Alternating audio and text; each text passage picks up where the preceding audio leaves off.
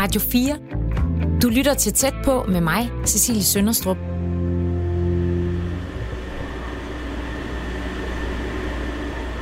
Det her er lyden af turen til Samsø. Jeg står på dækket af færgen Prinsesse Isabella, og det er et sted, jeg har stået mange gange før. Ikke lige præcis på Prinsesse Isabellas dæk, men på Samsø færgernes dæk. Det har jeg, fordi min familie og jeg øh, har holdt en hel del ferier på øen, da jeg var barn og teenager. Så den her tur, den er ikke ny for mig. Men hvis man ikke lige kender Samsø, kan jeg fortælle, at det er en ø, der ligger i Kattegat, mere eller mindre midt i Danmark. Jeg har læst mig til, at den er cirka 114 kvadratkilometer. Og hvis I spørger mig, så synes jeg, at den er ret så naturskøn. Den har masser af smukke strande og vild natur på øens nordlige del. Og så er der også noget af øens areal, der bliver brugt til landbrug. Og så er der også en masse hyggelige og fine landsbyer. Der er faktisk hele 22 landsbyer på Samsø, og der bor omkring 3.700 mennesker på fuld tid på øen. Og selvom det er en, øh, en pæn slat, så går det altså på Samsø, ligesom det gør på flere andre danske øer. Her oplever man nemlig et faldende befolkningstal. Og det skyldes blandt andet, at der ikke er så mange arbejdspladser på øen, og så er det også fordi, at den ligger lidt for langt væk fra fastlandet til, at det sådan er rigtig sjovt at pendle. Der er en, øh, en hurtig færge på vej mellem, øh, mellem øh, Sælvig Havn på Samsø og, og Aarhus Havn. Men øh, sådan som det er i dag, tager det altså godt halvanden time at komme fra Samsø til Aarhus og omvendt. Ja, så indbyggertallet falder på Samsø, men der er også nogen, der flytter til øen, eller flytter tilbage efter at have været en tur på fastlandet. Det er dem, jeg er på vej over for at tale med, for jeg kunne godt tænke mig at finde ud af, hvad der får folk til at flytte permanent til en ø som Samsø. Jeg vil gerne vide, hvordan det er at bo og leve på Samsø, og er der noget, vi på fastlandet kan lære af livet på en ø?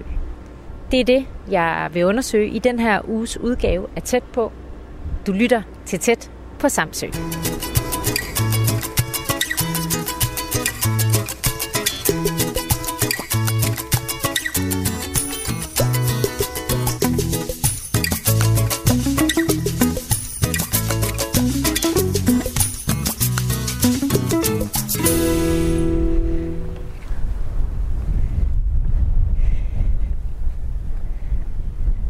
Det blæser her på den nordlige del af Samsø.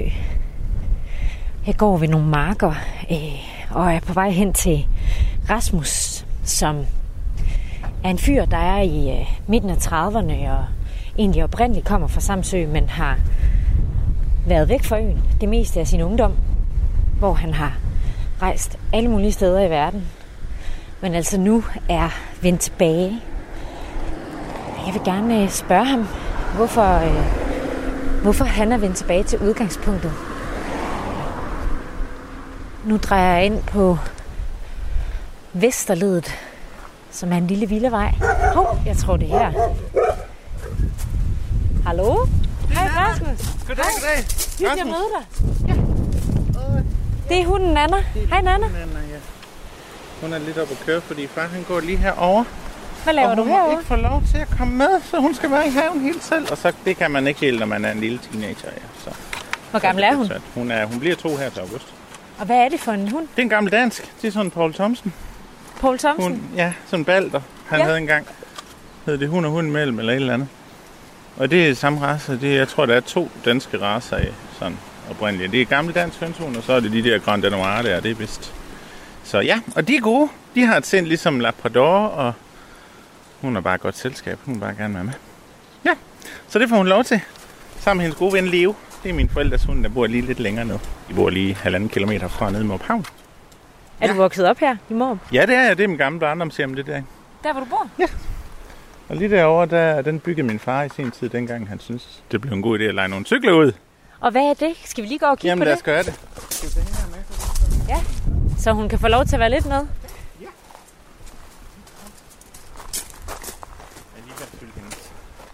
Vandting op herinde i bilen, fordi hun vil jo gerne med, men så har hun lige lidt vand inde i bilen, hvis hun skal blive klar. Ja. Kom med. Nå ja. Og hvad er det? Jamen, det wow. her det er en gammel cykelhal, øh, øh, kaldt, fordi det er jo sådan et sted, hvor så du kan se, der hænger nogle cykler derovre. Sådan havde min far cirka 1000 cykler opbevaret om, om vinteren. Og så lejede de dem ud om sommeren. Det gjorde de i ja, 20 år eller sådan noget, den du.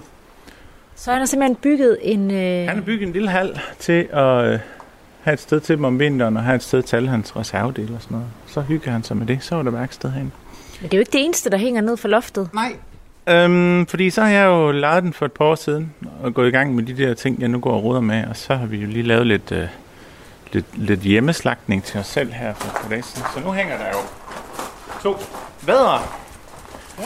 Det var jo avls, blandt andet avlsvædder her i ja, sidste sæson, så de her to her og to andre vædder er far til alle de lam, jeg har, der render rundt derude. Kunne jeg få dig til at beskrive, hvad det er, vi øh, ser på for lytterne? Jamen, øh, ja. Jamen altså, vi ser på to slagtede dyr, der hænger stille og roligt og modner. Øhm, ned fra loftet, inde i en hal, hvor at jeg har noget grej og noget forskelligt. Og det er så til os selv. Og der har jeg så smidt sådan et øh, en net omkring, så fluerne de ikke kan komme til det. Og så står de ellers, eller hænger de her en to, tre, fire dage, afhængig af hvor varmt det er udenfor. Så bliver de skåret op, og så ryger de i vores fryser. Og så spiser vi det. Sådan. Noget af det kan også godt være, at det bliver grillet nu her om en uge eller to. Så. Og så er der nogle skin fra dem, som jeg så har øhm, pudset og saltet. Og de ligger på nogle paller? De Sådan... ligger på nogle paller, så de ligger lidt, øh, sådan lidt skævt, så vandet det kan stille og roligt rende fra, hvis de er lidt fugtige, og det er de jo sådan nogle. Og så har de fået første gang salt, så skal det lige om en uge eller to rystes og have anden gang. Og så tror jeg egentlig, de er ved at være konserveret til en gang til efteråret eller vinter. Jeg kan sende dem op til Sverige. Så bliver de gavet derop. Så kommer de hjem igen, så er de lidt fine. Men det er, et, øh, det er noget projekt. Det tager noget tid. og så Nana, hun går og snuser lidt til det hele. Og synes, det er lidt spændende og også sådan lidt nyt med de der skin der, der ligger det. Ja, så har jeg min vaders til, når jeg skal ud til min båd. Og sådan lidt. Ja. Så ved du hvad, jeg lukker lige Nana ind her i. Ja. Så. Jeg vil lige lægge her lidt. Så kommer vi tilbage. Jeg skal bare lige have lidt vand til. Var lige et øjeblik. Og den her er så... Ja, nu er de så tomme. Men øh, sådan typisk til efteråret, når det rigtig begynder at blive slagtet af forskellige ting, så fylder jeg dem sådan gerne op. Så har vi Ja, det er nogle øh, kummefryser. Ja, nogle kummefryser, nogle forskellige slags kød og lidt, og nogle bær og frugter og alt, hvad man nu ellers sådan kan finde på. Og så forhåbentlig på et tidspunkt også noget angus kødkvæg. Hvad er det? Noget oksekød i. Jamen, jeg har jo lavet et lille projekt med nogle, nogle øh, kødkvæg ude i bakkerne, som at øh, forhåbentlig snart er ved at have en størrelse, nogle af dem, kalvene fra sidste år, til at jeg måske godt kunne slagte en, så vi har noget kød selv. For lige lige nu, der har vi ikke rigtigt. Og Rasmus, inden vi uh, taler videre om, uh, om det, du har gang i ude på markerne, kunne jeg ikke få dig til at lige at præsentere dig selv? Det kan du tro. Jeg skal nok lige. Jamen, jeg hedder Rasmus, som sagt, og jeg er født og opvokset heroppe på Samsø. Øjeblik, jeg skal lige fylde noget vand i det her, så er vi ved at være der. Så får hun det. Øhm, og min fars familie er herovre Faktisk stort set hele familien. De fleste er fra Nordby. Hans far er så dog fra Lolland, mener jeg det var. Kom sejlen hertil og mødte som min farmor. Øhm, men ja, min far har to søskende. Den ene er død, den ene lever stadigvæk. Og de boede så lige hernede i Morphavn, hvor min far, han, eller min farfar, han var fisker. Og fiskede øh, og havde et lille pakkehus og et lille hus, de så boede i. Og min farmor, hun er op fra Nordby, og, jamen så, og hun gik hjemme og gjorde lidt rent og sådan noget, tror jeg. Så fiskede han. Og øh, jamen så en gang i 70'erne, starten af 70'erne, der byggede min far det her hus. Han er den mellemste af de der søskende. Så han byggede huset heroppe i Morp, cirka 1,2-1,3 km fra, hvor hans forældre stadig boede. Og på det tidspunkt, der var han uddannet elektriker og arbejdede for Mærsk og rejste rundt en hel masse. Øhm, 15 år, tror jeg, han var inde i rederiet. Og så fandt han jo min mor, der kommer fra Aarhus, og så flyttede hun med herover. Sådan stort set faktisk næsten, tror jeg, da huset det var bygget færdigt i 475 eller noget, den du Og så har de sådan set boet her siden indtil for 10 år siden, der solgte de så cykel, selve cykeludlejningen til nogle andre, og så flyttede de permanent ned i det hus, min far selv er født og opvokset i, for det havde han så købt af hans søskende, og så har de renoveret lidt, og nu bor de dernede. Og så har de jo så lejet det her hus, som han selv har bygget op i morgen, ud. Men så for nogle år siden, der synes jeg, det kunne være lidt spændende at komme tilbage, og havde nogle projekter, jeg gerne ville gå råd med. Så jeg fik mulighed for at lege huset derovre af mine forældre. Så det gør vi, og så kort tid efter fik jeg også mulighed for at lege cykelhallen, eller hallen, så jeg havde lidt til opbevaring og til bilen og båden og sådan ting om vinteren. Så det fungerer rigtig godt. Og et lille værksted også, så lidt mere plads sådan til ja, alt muligt. Så det er dejligt. Ja, vi går bare... Øh, nu har du set det her. Så kan vi lige have lidt vand, og så kan vi gå ind i huset. Så kan du møde min kone. Ja. Kom ind. Tak. Ja, det er Claudia. Hey, Hej. how are you? Nice. Cecilia. Nice to meet you, Cecilia. Welcome to our house. Thank you. Claudia, det er min kone. Og hun kommer fra Colombia. Ja. Så, så vi er i gang med familiesammenføring. Proces. Yes. Ja. Så det går vi og hygger med. Hvor længe har du boet i Danmark? Mm, jeg har boet i Danmark i fem måneder. Ja. øh, Februar. Siden februar. På Ja. Samsø. Her på Samsø. Ja. Hvad synes du om øen? What do you think about the island? Og jeg tror, det er uh, meget smuk og meget still.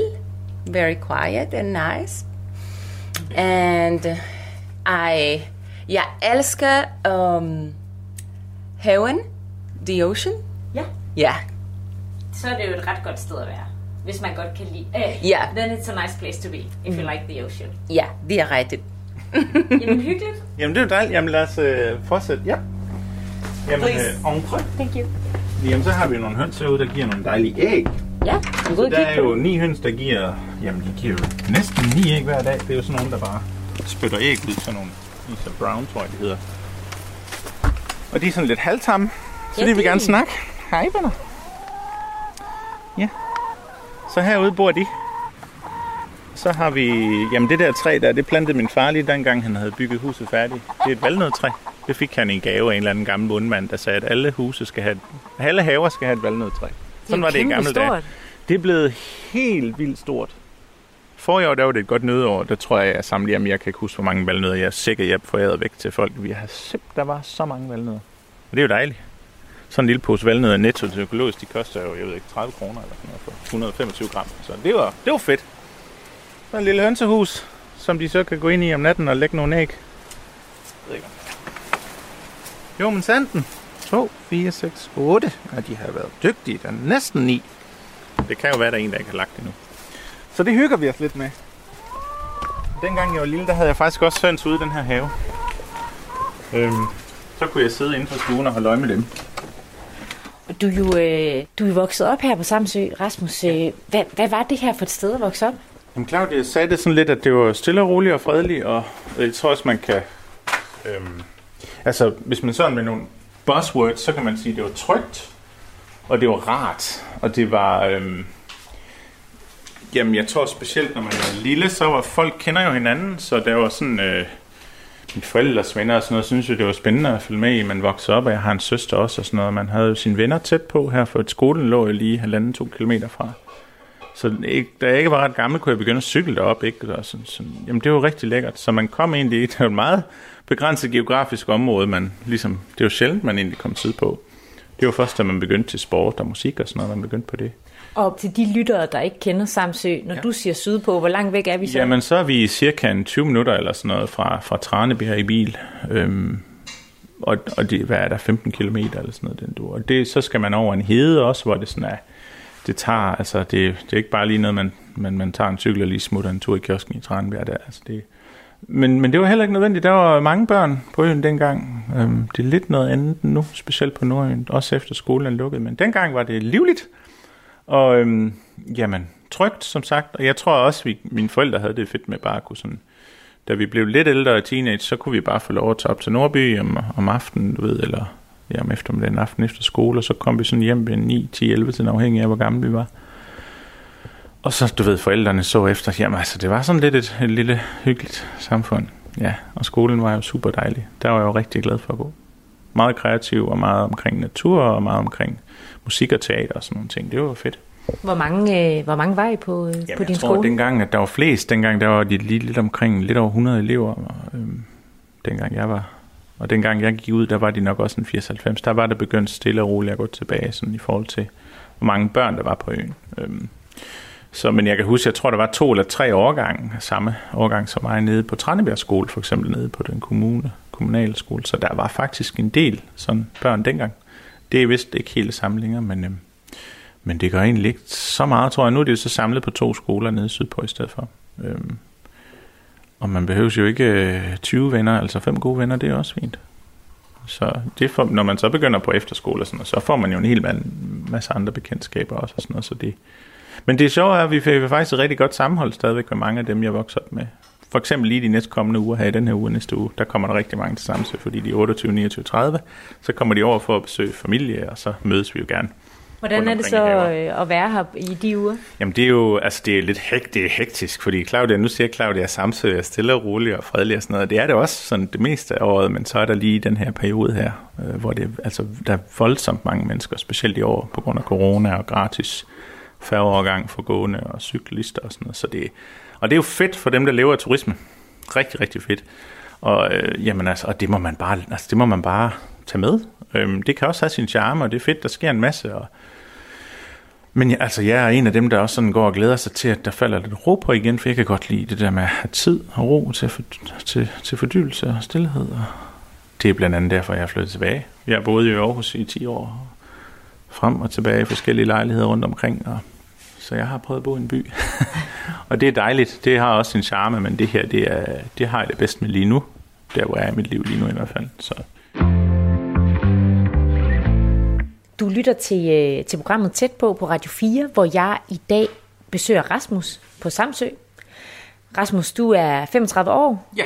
Du øh, er født og opvokset øh, på Samsø. Men så ved jeg også, at du, øh, da du bliver teenager, flytter herfra. Ja. Hvorfor gør du det? Jamen, det var meget normalt dengang, tror jeg, og det er det egentlig stadigvæk, at når man når de der 8. og 9. klasse, så... Øh, jamen, jeg tager så de fleste rammer måske et eller andet punkt. Der er lidt økuller, man synes, du ved. Nu er det for småt, nu er det for stille om vinteren, eller... Og det ramte jeg også lidt. Og så øh, var det jo dejligt, at man havde mulighed for at kunne blive sendt på efterskole i 9. klasse, tror jeg, afsted. Øhm, og det var jo fedt, og det var noget helt andet, og det var rigtig skønt. Og det var første gang, man ligesom kom hjemmefra på den måde, sådan på fuld tid. Og, og så, hvor var du henne? Der var jeg Vandel, det er ikke så langt fra Bilund øh, i Jylland. Dejligt sted, gymnastik og musik og sådan nogle ting, sport, og det var fedt. Og 100 et eller andet elever, så lige pludselig fik man jo en hel masse nye bekendtskaber. Og ret sjovt det der med så at prøve at starte helt forfra. Så jamen, hvem er man så, når man møder andre mennesker i den alder også? Der var man meget teenager og Buffalo-sko og sådan nogle lysende, du ved, selvlysende perler og sådan noget, og techno og ut, ut, ut, og øh, ja, lilla pullover og sådan. Jamen, det var virkelig, jamen, det var sort afbladet hår og sådan, du ved. Jamen, jeg ja. husker det tydeligt. Det var fedt, og jeg har nogle dejlige billeder, der kan bevise alt det, jeg står så bestemt, jeg havde. Nej. Men øhm, jamen, det var en god tid. Ja, hvordan var det at, at, at flytte væk øh, fra den her, altså du har været i det her lille ø-miljø hele dit liv, og så pludselig at, at komme væk herfra?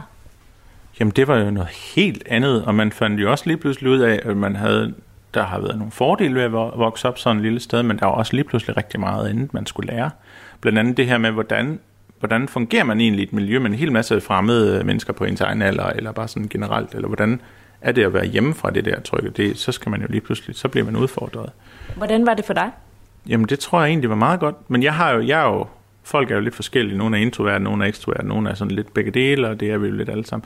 Jeg havde meget behov for at være mig selv, for at kunne lade op. Og så når jeg var sammen med andre, brugte jeg energi. Men det vidste jeg slet ikke noget om på, den, på det tidspunkt. Så jeg tog hjem indimellem i weekenderne og burede mig ind med en computer og bare sad og, det ved, og så afsted tilbage til efterskolen. For at kunne være i det. Øhm, og sådan har det egentlig blevet. Sådan er det stadigvæk. Og mere fremtrædende faktisk nu, tror jeg. Jeg har brug for min alene tid. Det får jeg blandt andet, når jeg er oppe ved mine, mine dyr som vi skal op til lige om lidt. Ja, ja. De giver mig noget ro og fred og noget øh, tid til at fordybe sig. Bare det at gå og kigge på nogle forhold og nogle køer, nogle køer, der går græs, det giver mig enormt meget personligt. Så ja. Så skal vi ikke tage derop og kigge til nogle dyr? Jo, det ja. synes jeg. Lad os gøre det. Jo. Skal vi have noget med? Ja. Kaffe. Du får noget kaffe med, og så kan du tage en frugt med også, så tager jeg lige en banan. Vi ses, Claudia. Tak Vi for nu. ses. Hej, hej. Hej, hej. Vil du have en god dag? Tak, i lige måde. Claudia, hun er ved at lære dansk. Ja. Claudia, hun er jo fra Colombia og vokset op i Bogotá. Og hun har så også øh, været på universitetet og har en kandidat i spansk og engelsk, og har så været arbejdet 10 år som gymnasielærer på en skole dernede, sammen med 9., 10., 11., 12. klasses elever øh, på en privat skole. Jeg tror, det er vist en skole, hvor alle politikernes børn gik på. Og sådan noget. Så det var sådan en meget, meget fin skole med enormt meget sikkerhed og en stor mur og vagter, og jeg skal komme efter dig. Og der har, jeg har så selv boet et halvt års tid også nede i Bogotá, øhm, sammen med Claudia. Og hun har sådan en datter også, og det er så... Øhm, lige nu er datteren ved faren i coronakrisen dernede. Det var egentlig meningen, hun skulle være her nu, men det kan hun så af god grund ikke være. Hun er 6 år gammel. Men hun kommer så til lige starten af februar, så skal hun være et helt år i Danmark, og så skal vi så se, hvordan det kommer til at gå. Så ja. Fra, fra Bogota til Samsø. Ja, det er også noget at springe på Claudia, skal jeg lige hilse at sige. Det er, altså, Bogota er jo, jeg ved ikke, officielt bor der 12 millioner mennesker, men det tror jeg altså ikke kan gøre det, og så er det jo bare meget latinamerikansk kultur, storby. Øhm, og så til sådan et lille sted som Samsø med en helt anden sprog og kultur og folk omkring, og en helt anden ro og natur, og jamen altså, det er, det er et stort spring. Jamen det er jo så sådan min hverdag, den starter om morgenen med at brygge en masse kaffe, og så sætte mig ind i, i sengen igen, der lige nu fungerer som kontor. Jeg ved godt, det er måske ikke skide sundt, men øh, så sidder jeg der stille og roligt og læser lidt mail, så svarer lidt på dem og sådan. Så ser jeg måske nogle YouTube-videoer, eller hører et podcast omkring nogle gør eller et eller andet. Og så når klokken bliver 9-10 stykker, så begynder jeg at ringe rundt til dem, jeg sådan skal have ringet rundt til. Og når så vi når hen omkring en 12-1-tiden, så gider jeg ikke sidde ind længere. Så pakker jeg bilen og kører ud og siger til dyren. Så det gør vi nu. Ja. Gammel Toyota Hilux fra... Ja, hvornår er den fra? Den er fra 9... Ja, 9... 89. Nej, ikke 89. Den er fra 94. Det er sådan der. Det var den gamle, der var fra 89. Den pensionerede vi sidste år. Den her, den er fra 94. Så den er en 5-26 år gammel. Og den skal kunne trække en trailer og have noget fjolstræk og hive en båd op og sådan noget. Øhm, og det kan den. Så den kan spare mig for en traktor, blandt andet. Sådan indtil videre.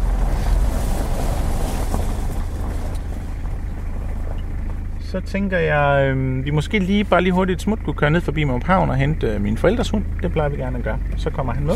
Så har han anden noget selskab. Så kan du også bare lige kort se, hvor mine forældre bor, hvor min far er opvokset.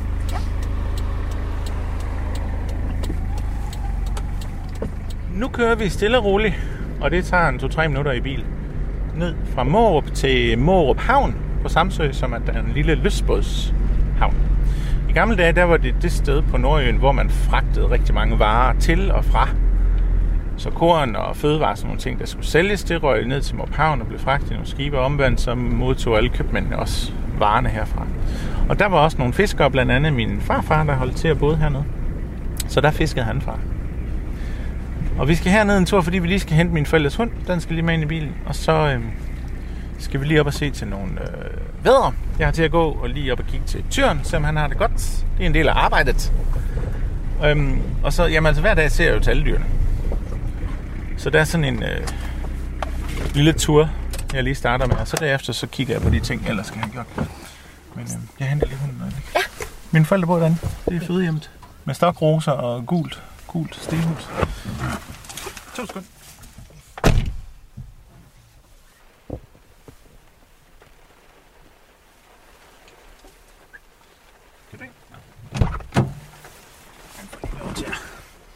Nu kan vi lige op og holde ved veden. Der er lige 100 meter der. Bare lige kigge. Nu kan jeg se, at det rigtig begynder at regne. Ja, og så er Nana ikke helt tilfreds, fordi hun vil gerne lige ud og snakke med Leo. Han løber foran bilen nu? Han, ja, han, er, han kender havnen. Han tisser lige en lille bit smule, og så skal han ind i bilen. Og så kører vi videre op til nogle dyr.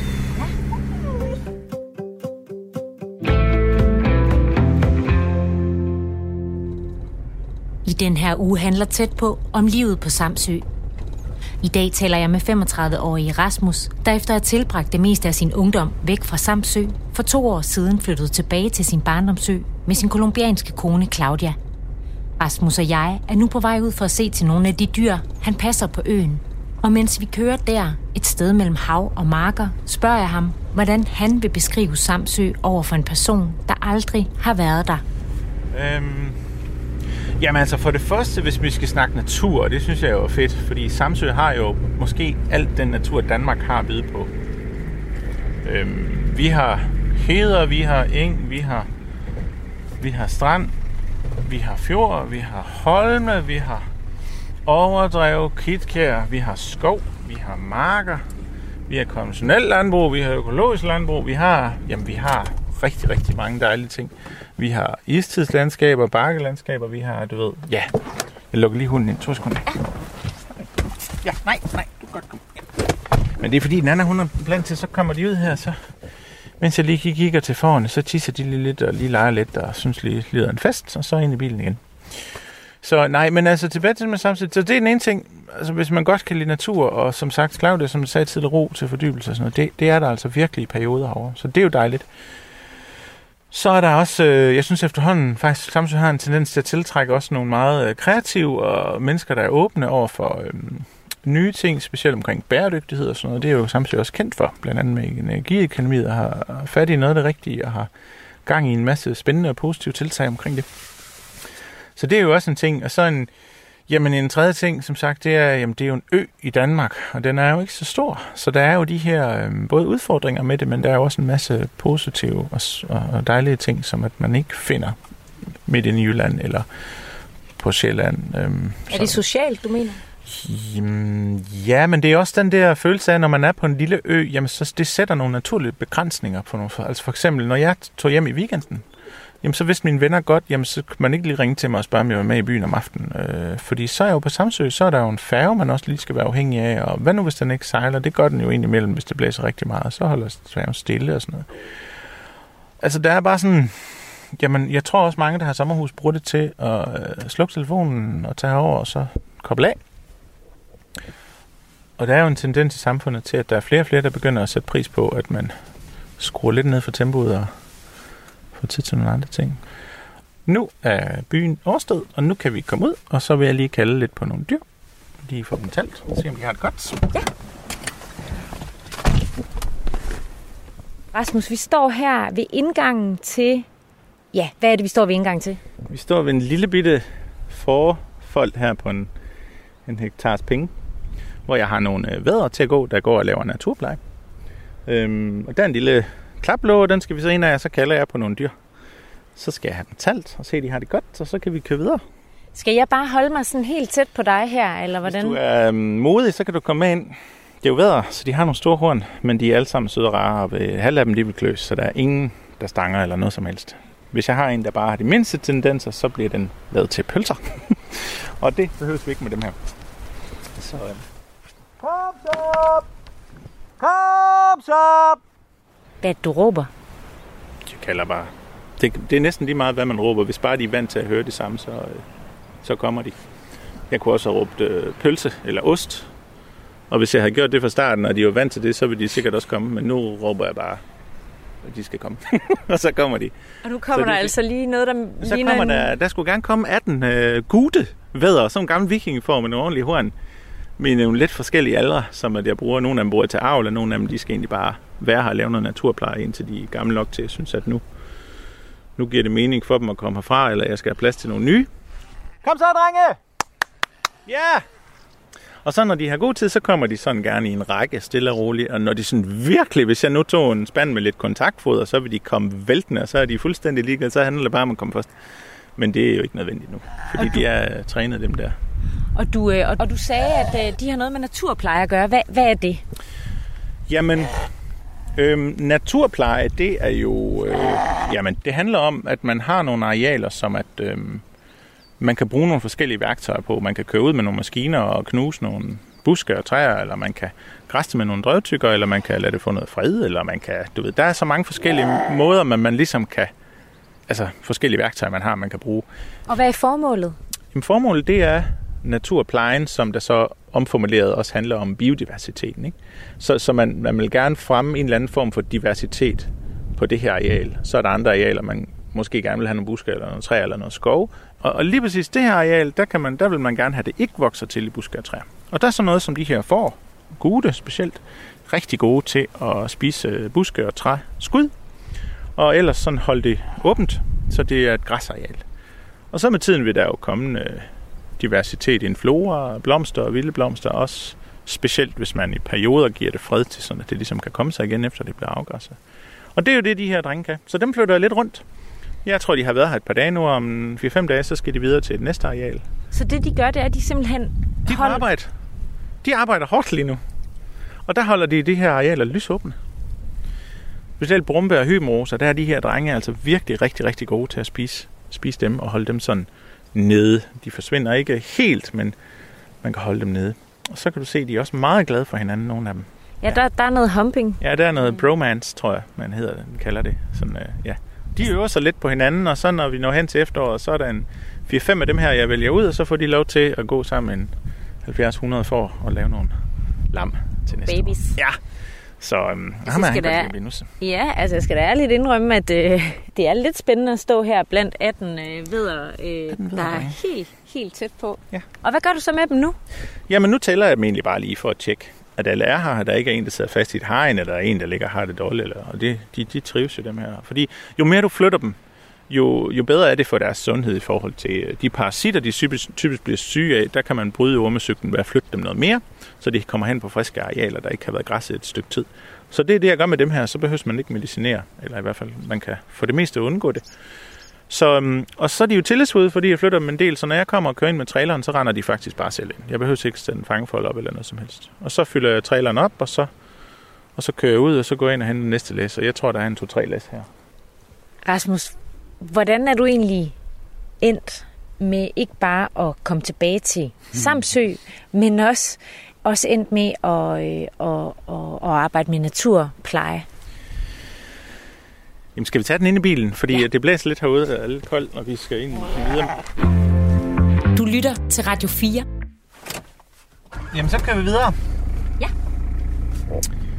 Og øh, jamen, øh, jamen, det startede jo som sagt efter efterskolen og alt det her. Så var jeg jo sådan en, der, der tog til Aarhus på gymnasiet og tog mig en uddannelse og startede på universitetet. Jeg synes måske, det var lidt for teoretisk. Så tog jeg en bankuddannelse i stedet for, og det gik jo vældig, og det var jeg rigtig glad for, indtil at øhm, der skete nogle ting, der satte nogle tanker i gang med noget med mit helbred og sådan noget, og, og det resulterede så i, at jeg cirka fire år efter, jeg havde været i banken, der udnyttede jeg sådan en fratrædelsesordning og øh, stoppede øh, i sommeren 2012, og så fik jeg den idé, at jeg synes, det kunne være sjovt at rejse lidt igen.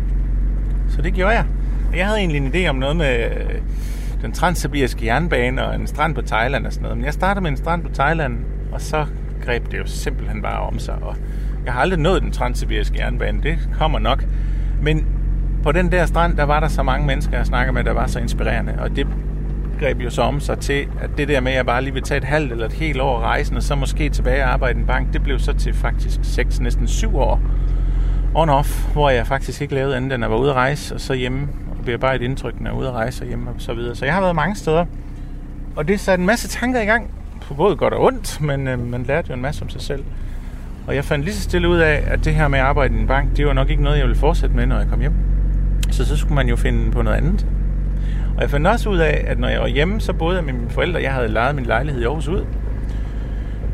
Og der kom jeg jo så igen til at finde glæden ved at bo på Samsø. Jeg kom til sådan, den havde jeg måske lidt glemt, hvor dejligt det egentlig var, da man var barn. Fordi det, så dejligt var det heller ikke, da man var teenager.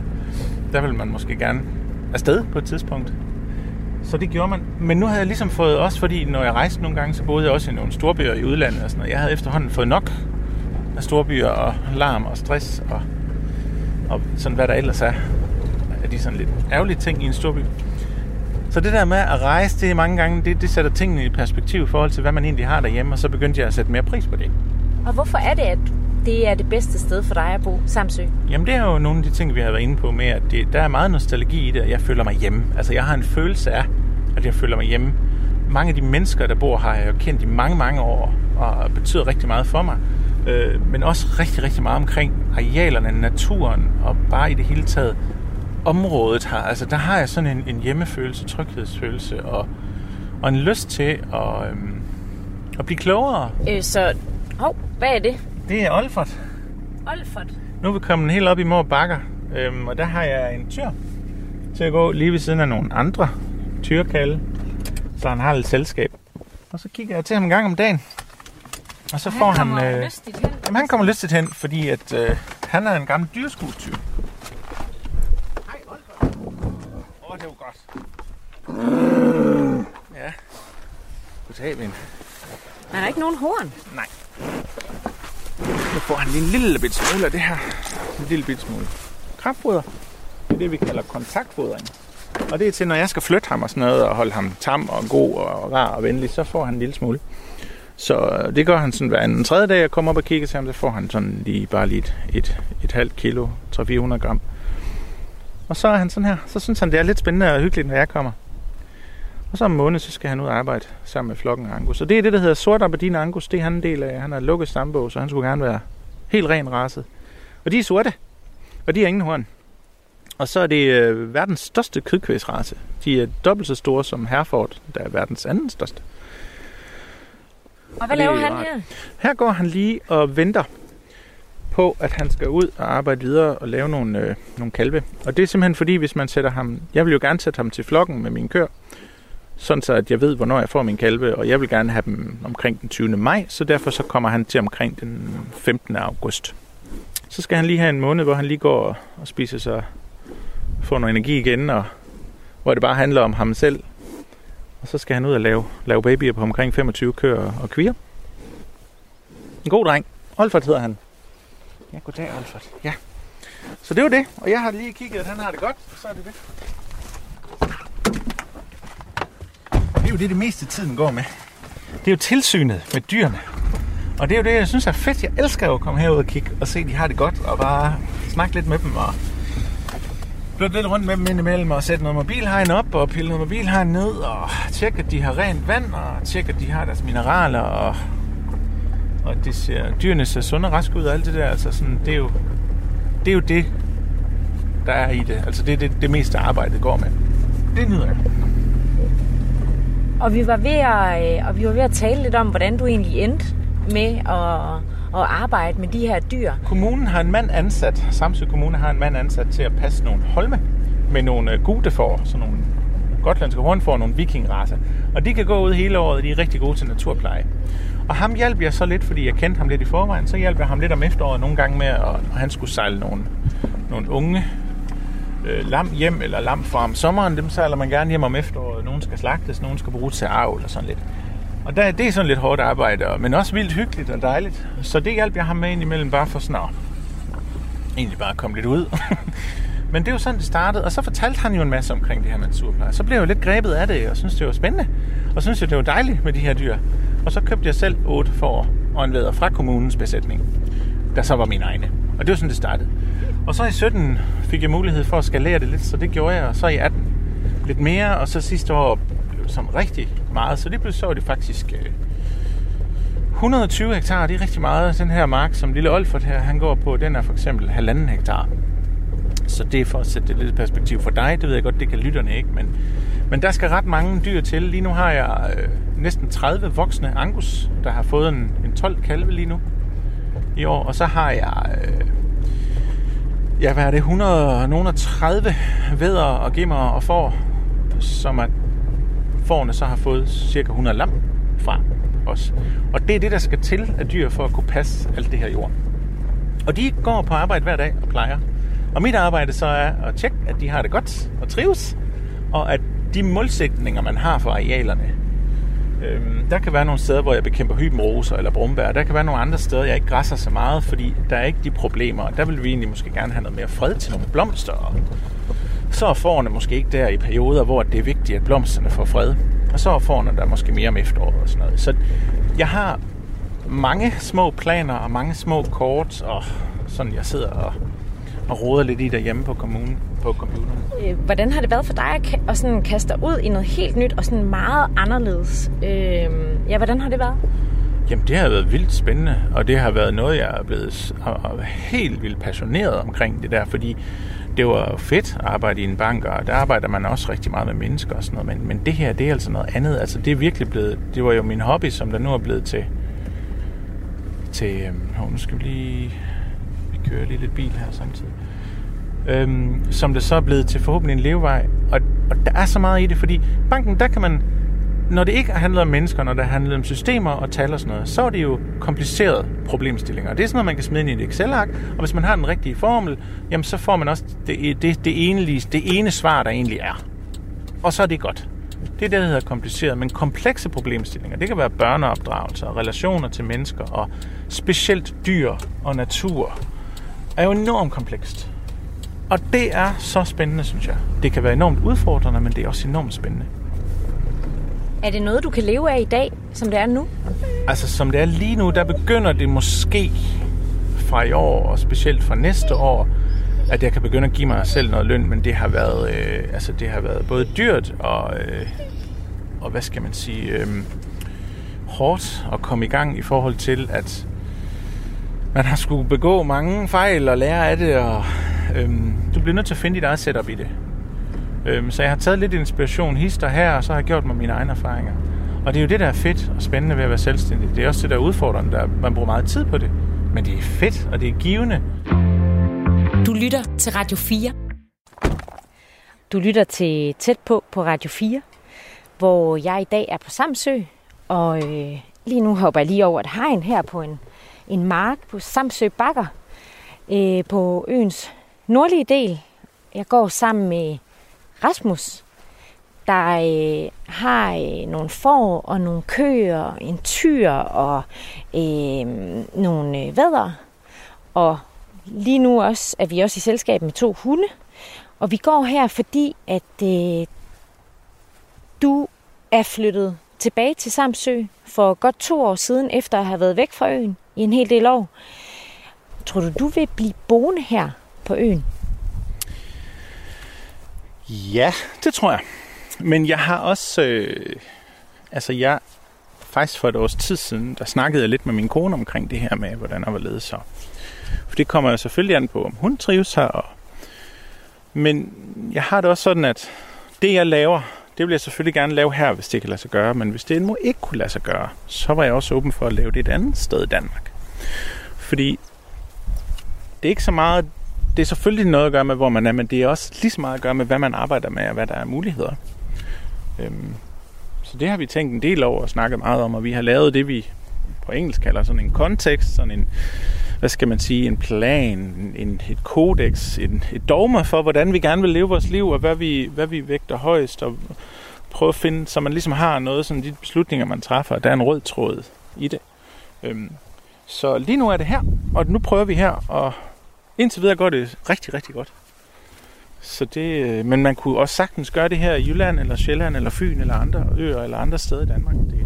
Så selvom du er rigtig glad for at være tilbage på Samsø, så er det ikke nødvendigvis, fordi at det er her, øh, du bliver boende resten af dit liv? Det ved man jo aldrig. Man bliver nødt til at være lidt åben over for. Men altså, hvis, øh, hvis det går godt, og hvis det giver god mening, så vil jeg blive boende. Og hvis der kommer noget andet op, eller hvis ikke det giver god mening længere, jamen så kan det være, at jeg flytter. og sådan er det jo mange gange i ens liv. Hvis man har det godt, så behøver man ikke ændre så meget. Men hvis man ikke synes, det går så godt, så er det måske op til en selv at prøve at ændre, hvis man kan, i nogle ting, sådan så at øh, man begynder at få det godt igen. ja. Samsø er jo et af de steder, der er øh, en af de øer, hvor indbyggertallet falder. Øh, er det egentlig noget, der bekymrer dig? Nej, det er det ikke. Øhm, Hvorfor ikke? Jamen, jeg tror på, at, øh, at trenden vender lidt. så jeg er egentlig ikke så bekymret. Jeg tror måske faktisk lige nu her, og det er måske faktisk her, vi bunder. Håber, tror. Fordi som sagt, som vi snakkede om tidligere, det, der er bare flere og flere muligheder. Og, og øhm, jeg tror også sådan et sted som Samsø og andre små øer, jeg tror, det, det bliver mere populært fremover. Hvorfor øhm, tror du det? Jamen, fordi det har, det kan, det, det kan noget, det, har, det giver nogle af de muligheder, som, som, som flere og flere, specielt børnefamilier, begynder at efterspørge. Med øh, fred ro og tid til fordybelse. Og øhm, jeg kender flere efterhånden familier, der er flyttet herover, som at der ikke rigtig havde nogen relation til Samsø i forvejen. Så jeg tror, altså, så er det klart, så er der måske også nogen, der flytter væk. Og sådan, men jeg tror bare stadigvæk i det hele taget, at ja, at der er meget godt i vente. Sådan nogle steder som her, men i det hele taget. At, uh, folk bliver mere bevidste om, hvad det er, de gerne vil, og det er jo dejligt. Jeg kan se, at vi er nået frem til nogle dyr. Ja, og det blæser lidt. Ja. Så nu skal vi jo faktisk arbejde lidt, fordi jeg skal jo have... Øhm, der går en del for nogle lamp hernede. Dem skal jeg have flyttet op igennem den der lille bitte skov. Ja. Og så hundene, de går her og hygger sig. De har også blandt andet den funktion, at de, øh, de sætter noget færd, og så tænker reven, når den kommer forbi, at hov, der lugter lidt af hund her, så kan det være, at den går et andet sted hen. Specielt i lammesæsonen, der er det rart. Jeg havde et år, hvor jeg mistede måske næsten 30 lam på 10 dage til en rev, der var lidt sulten. Og det har vi så heldigvis ikke haft problemer med siden. Men det er blandt andet hundene, der kan være med til at stresse reven. Og de sidste to sæsoner, det er røget rigtig, rigtig godt. Øhm, men nu skal jeg flytte dem. Så vi prøver stille og roligt. Og det kan godt være, at det er noget blæsvejr, og det bliver noget larm og tam, tam. Men nu kan du i hvert fald få at se, og så kan vi jo prøve at optage Kan være, jeg kan give en hånd med? Det kunne sagtens være. Jeg har bemærket, at du her i det her terræn har en stok med. Ja. Hvad, hvad skal du med den? Jamen det er både, altså det er jo sådan en øh, lille hyrdestav, som jeg har købt for 150 kroner på nettet. Men den er efterhånden ved at være lidt slidt og har lidt historie, lidt karakter. Og den kan man jo bruge til både lige at snuppe et får eller et lam. Den har jo sådan en, en hyrdestav, den, har, den går jo ud i sådan en lille bue. Sådan en, ja, hyrdestav gør jo det. Og det er netop fordi, så kan den lige snuppe et dyr, hvis det er man. Og så bruger den som vandrestav. Og så er det også sådan lidt til øhm, at stå og, og hvile lidt op af, når jeg bare står ude indimellem og lige skal stå og observere noget, så er den faktisk enormt praktisk til lige at stå. Ja, nu kommer foran nemlig. Men vi skal lige gå stille og roligt hernede igennem. Og så øh, skal vi lige have, have fået den samlet lidt sammen, og så går vi med hele flokken herop igennem det her areal igen. For nu skal de flyttes fra den her mark til næste mark. Ja.